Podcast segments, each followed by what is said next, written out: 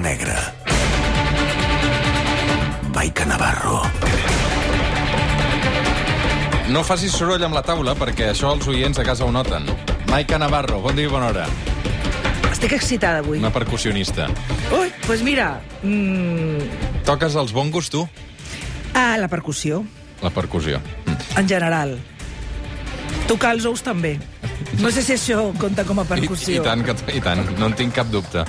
Escolta'm una cosa, a tu t'han espiat mai? A mi m'han espiat mai, uh, a mi m'han fet seguiments.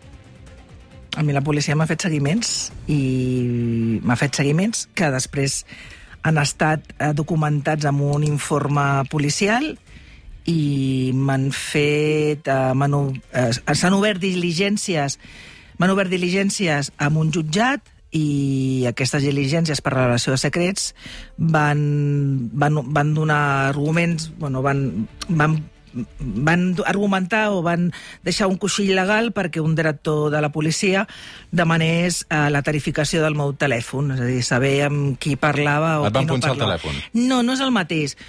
Pun intervenir al telèfon o punxar col·loquialment és que tu sents o en directe o en diferit les converses, Bolog, és el que li van fer Madí, Vendrell, sí. etc. La resta, o, o moltes investigacions que hi han obertes a dia d'avui, eh?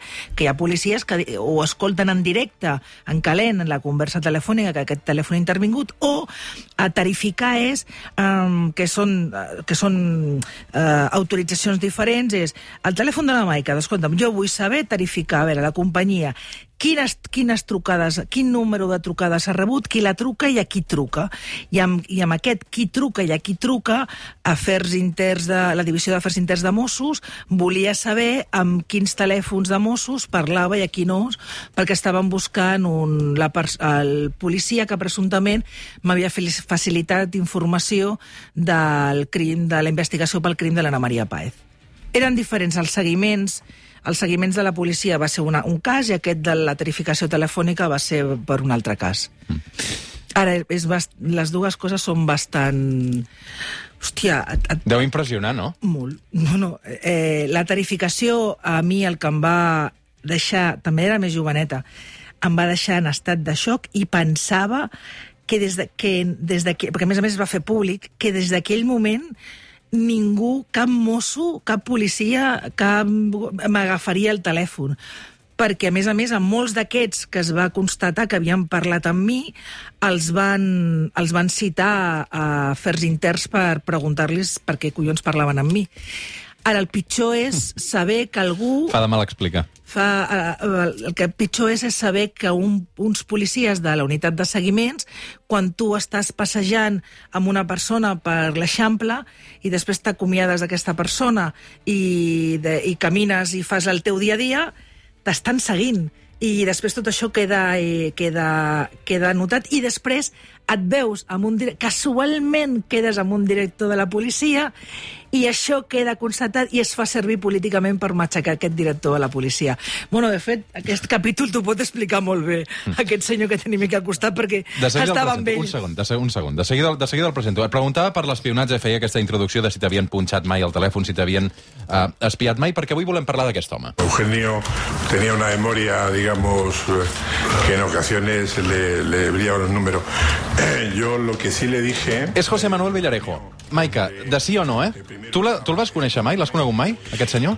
Uh, no, i um, quan jo escric sobre el famós dinar quan estic investigant, perquè a mi no, no, no em regalen aquesta, filtra, aquesta informació, no és una filtració interessada, sinó que jo m'assabento i investigo i, i parlo amb tots els protagonistes. El famós dinar de l'Alicia Sánchez Camacho, recordem, és dirigent del Partit Popular a Catalunya, i la Victòria Álvarez, eh, centrem-nos, que havia estat parella del fill gran de Jordi Pujol i Marta Ferrusola, aquell famós dinar enregistrat a la Camarga, aquest restaurant de Barcelona, doncs arran d'això jo començo, m'apareixia un personatge que era un tal Hidalgo, Hidalgo, Hidalgo, i rascant sobre Hidalgo hi ha un moment que un comissari general de la Policia Nacional a Madrid, ja es pot dir Enrique García Castaño, em truca i em diu ¿Qué coño haces buscando por Villarejo? ¿Qué coño haces preguntando? ¿Qué estás preguntando? No preguntes tanto que te van a...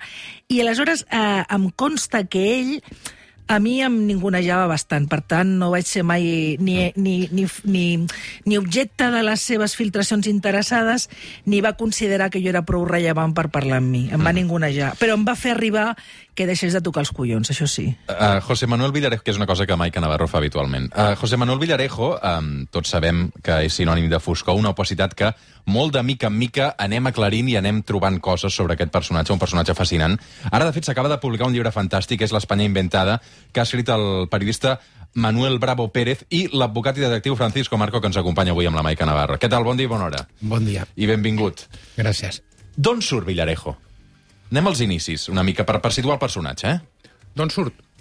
Bueno, Villarejo eh, nace en un pueblecito de Córdoba en los años 50 y llega en, eh, en un momento determinado el régimen franquista necesita hacer una campaña muy grande para, para traer un montón de policías a Madrid y él llega el número 200 de, esa de, ese, de ese grupo de 500 y pico a Madrid con un pequeño atillo y, y un trajecito de color claro y a partir de ahí se involucra con el búnker franquista policial, se convierte en uno de los dirigentes sindicales del franquismo y del postfranquismo y se convierte en el policía más oscuro, ¿no? en, el, en el hombre de negro, en el, en el señor de las cloacas.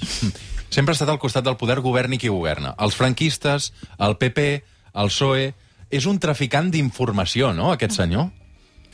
Bueno, eh, a ver, hay que diferenciar muy bien eh, el personaje eh, policial de José Manuel Villarejo del empresario.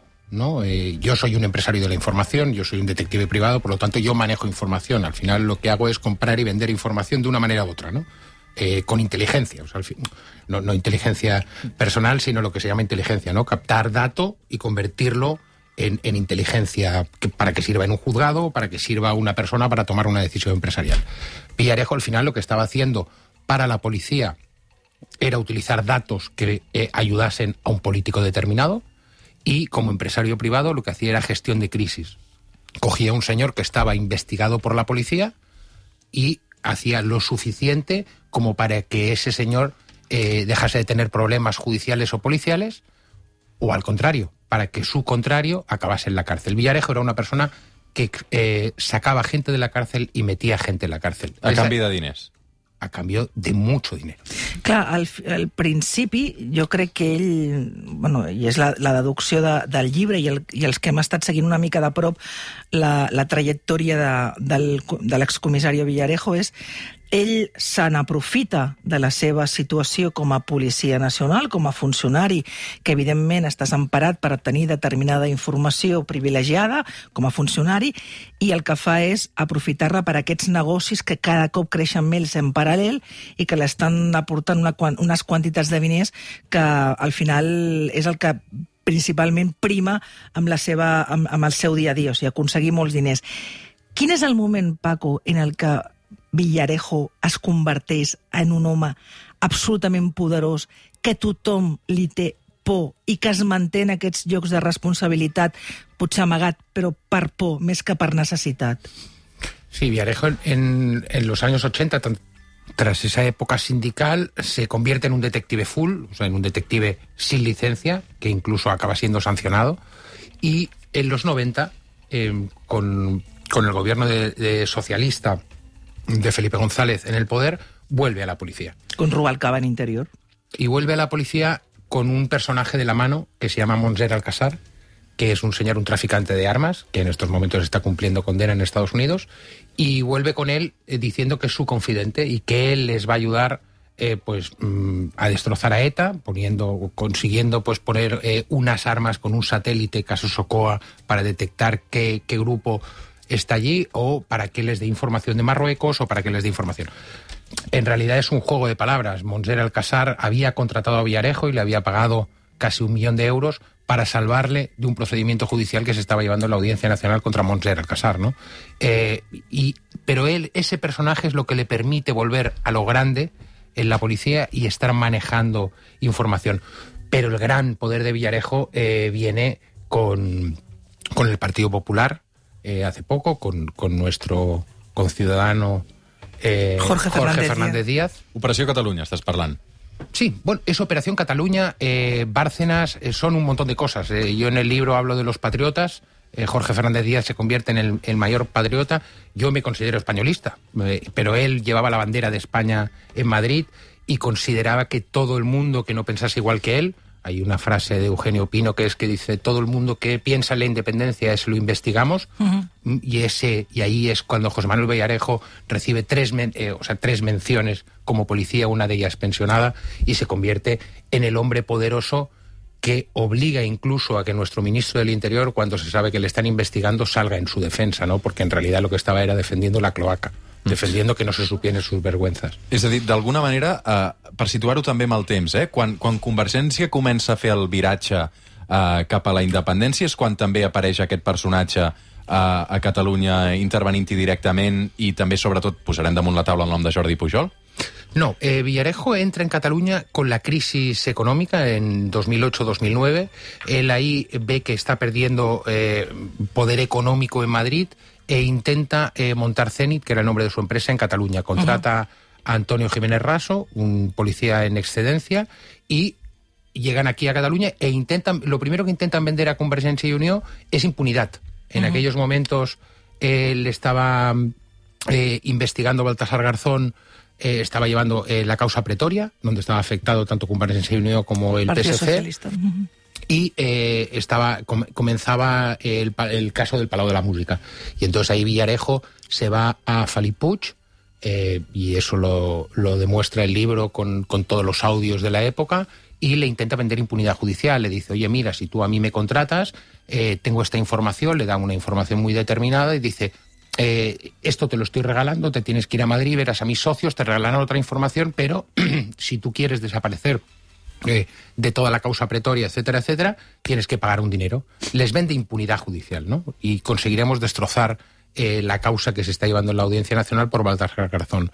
Felipe Puig eh, no le contrata, no le contrata a nadie en Cataluña, o sea, eh, Villarejo era un paria en Cataluña porque Antonio Jiménez Raso no vendía eh, nada, absolutamente nada. Entre otras cosas, aquí habían agencias, entre otras la mía, muy afianzadas, que eran las que, los que captaban todo el tipo de negociación.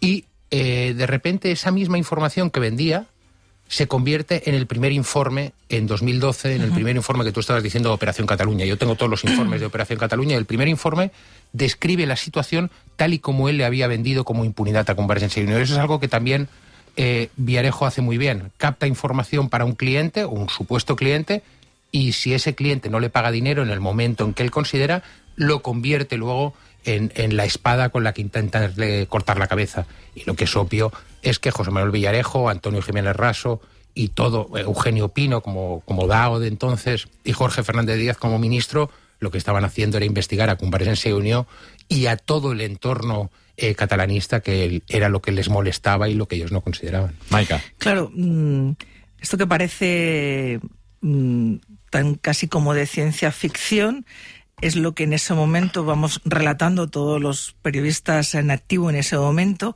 que se convierte en ese famoso, ¿te acuerdas esa rueda de prensa del, de un sindicato policial, el SUB, que facilita el famoso informe apócrifo, no? Se, se titul, es va titular, on, que després es va saber que l'havia elaborat Villarejo i, amb, i ara descobrim amb, amb aquest inici pervers primer que era intento salvar a determinats personatges de Convergència, com que no em fan cas, doncs me'n vaig directament al, a la Policia Nacional a Madrid i els hi dono com argument per començar a fer una lluita contra, contra Convergència. Um, deies tu, feia un moment, Francisco, que en aquell moment hi havia altres agències, Método 3 era, jo crec que la, la que tenia més solvència i més, i més reconeixement a, no només a Catalunya, sinó a la resta d'Espanya, i en el llibre una de les coses que, que es descobreix, i, que, que no es descobreix, que documentes amb proves, és que la teva detenció, l'intent de destrucció de la teva, de la teva vida professional i també personal és dirigit per, per Villarejo quan fan l'entrada de la Policia Nacional a la seu de Método 3, que estava aquí al costat a Tusset Diagonal, e intenten literalment enfonsar-te la vida. Bueno, sí, tú, tú has descrito personalmente un seguimiento que te hicieron por Barcelona. Ese seguimiento te lo hicieron por estar conmigo. Sí. Eh, por mucho que le hayas puesto palabras, al final era aquello, ¿no? O sea, tú y yo estamos hablando y a ti te están siguiendo y a ti te están utilizando desde Madrid, enviándome un mensaje a mí, eh, dile a Paco Marco que tiene Sí. contra el ministro, que tiene contra el ministro, y le haremos una detención técnica. Y como yo te digo a ti, no, Maika, No eh, yo no tengo nada, me voy a ir a la Fiscalía Anticorrupción a poner una denuncia, pero esto no puede ser. Al día siguiente eh, vienen 35 policías a mi despacho, 15 a mi casa y revisan las bragas de mi hija y a mí me intentan obtener todo. Ahí tuvieron un solo fallo que eh, yo dos días antes, un día antes de esa reunión, y eso lo describo en el libro, yo me entero de que se va a producir todo ese operativo contra mí y yo por la noche, con otra persona, voy y desmonto todos los ordenadores de mi despacho y ellos cuando llegan no tienen nada. ¿Mm? Y ese fue su gran fallo y utilizar a Alicia Sánchez Camacho como una mentirosa diciendo que eh, la grabación esa no estaba consentida. A partir de ahí, la justicia deja de investigarme, pero la policía sigue investigándome, ¿no? Y, y- y lo que tú describes que aparece en el libro es un seguimiento que me realizan justo un mes después de mi detención y una grabación que me hace este señor que he dicho, ¿no? Antonio Jiménez Raso, donde yo un mes justo después de mi, de mi detención le estoy diciendo, oye, eh, lo que estáis haciendo aquí en Cataluña, a través de Manuel Pérez Villar, es todo ilegal. Manuel Pérez Villar es José Manuel Villarejo Pérez. Esto es del año 2013. Han pasado siete años, él está en la cárcel y yo estoy aquí sentado con, con vosotros tomando un café. Ell continua a la presó, eh? I en té per dies, crec, eh? No, no, ayer la Audiencia Nacional eh, dijo que tenía que estar un tiempecito más en prisión, le queda un año aún de prórroga, pero le vienen ahora los juicios y hay peticiones fiscales en sumatorio de más de 150 años. Uh, Paco, en quin moment Villarejo i el seu entorn es fixen en la família Pujol i per què? I quina informació tenien contra la família Pujol? Eh, cuando Artur Mas en 2012 se va a Madrid eh, y le pide a Mariano Rajoy dinero para Cataluña, España en esos momentos no tenía dinero, ¿no? Y Mariano Rajoy le dice a Artur Mas, oye, que no tenemos dinero, mm, no pretenda ser el País Vasco, que es que no hay dinero para España, ¿no? En general, estábamos a punto de una quiebra eh, nacional y que viniese la Unión Europea aquí a controlarnos.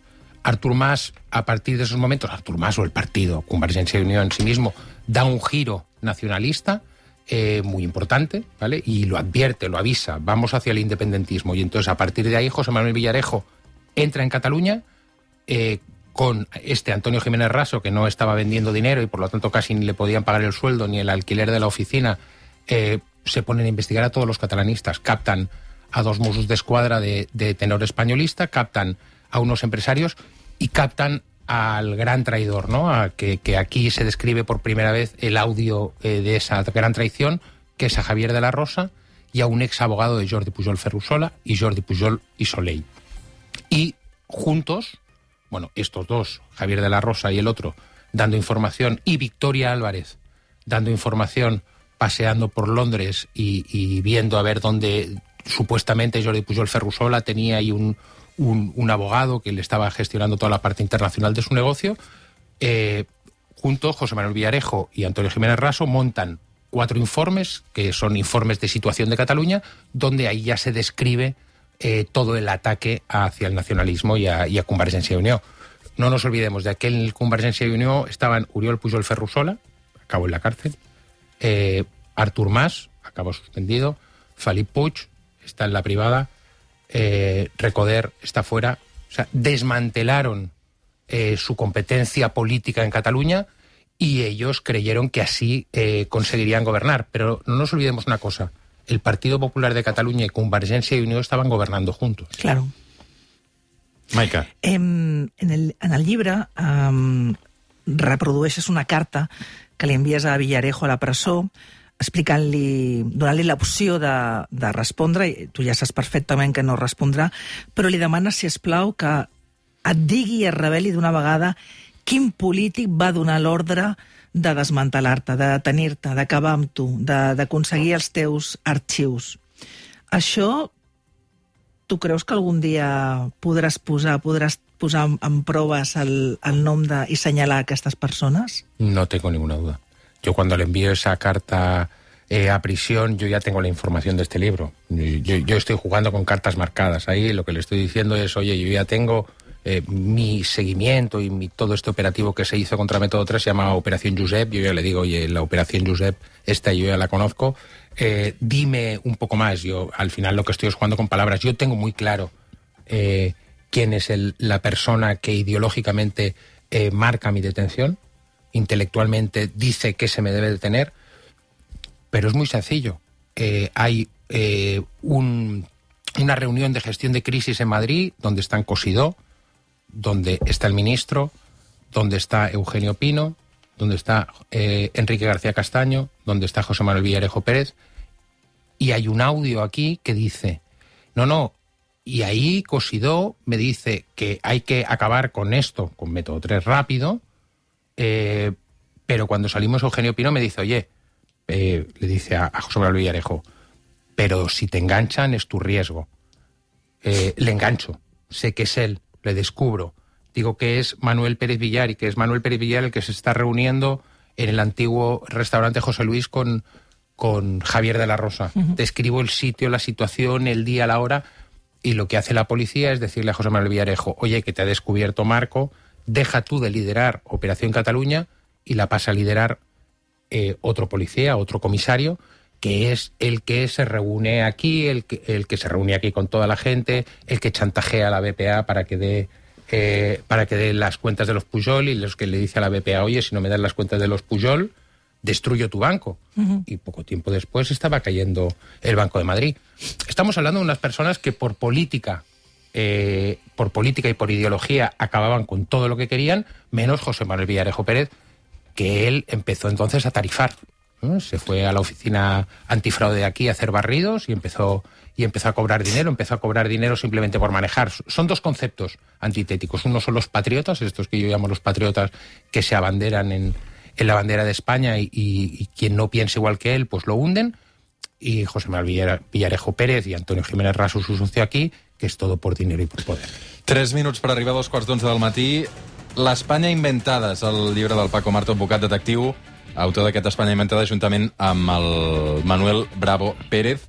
Um, ha estat molt interessant, podem estar hores i hores i hores Vaja. parlant d'això. Uh, I la de coses que deu saber aquest senyor i que no pot explicar. Bueno, jo vull, volia que, que, que expliqués la Camarga un altre cop, perquè jo No, un altre, dia, gaudeixo un, un altre dia. Una, una, el tornarem a convidar per tornar a parlar de la Camarga, perquè és un capítol també que, que encara té alguns interrogants oberts. Eh? Uh, en tornarem a parlar. Um, molt interessant, moltes gràcies. Gracias a ti Moltes- y felicidades por el premio. Moltes gràcies. Uh, Quin premi? És que, és que, és que clar, és que, Quin premi? Yo he hecho los deberes antes de venir tú, no, Mike. mira, és que clar, que, que Paco Marco t'hagi donat- que tot l'equip del... No, a tu no. A tu no t'han donat a tu no t'han donat res. A mi m'han donat un premi? A tot l'equip del suplement eh, ens han premiat per un reportatge eh, el dia que va caure al món un reportatge que vam fer un any. Eh, Fa un any que vam emetre i que ara ha resultat premiat eh, pel Col·legi de Periodistes. Carai. Ahir érem a Torredembarra, he dormit molt poc avui. I per què? Bueno, ja acostumes Bueno, no, poc. perquè vam haver d'anar a la gala Ah, i... que et van donar el premi sí, ahir. Sí, sí, sí, sí. Pensava que estaves fent altres Ha coses. arra- No, no, no, no, no, escolta'm. És veritat que tu jo, aquestes coses jo sóc com els futbolistes, saps? Uh, que els dies de programa em concentro. Adiós. Fem una pausa i de seguida escoltem Gràcies, una conversa Paco. amb Quimi Portet. Gràcies, Maica. El suplement, amb Roger Escapa.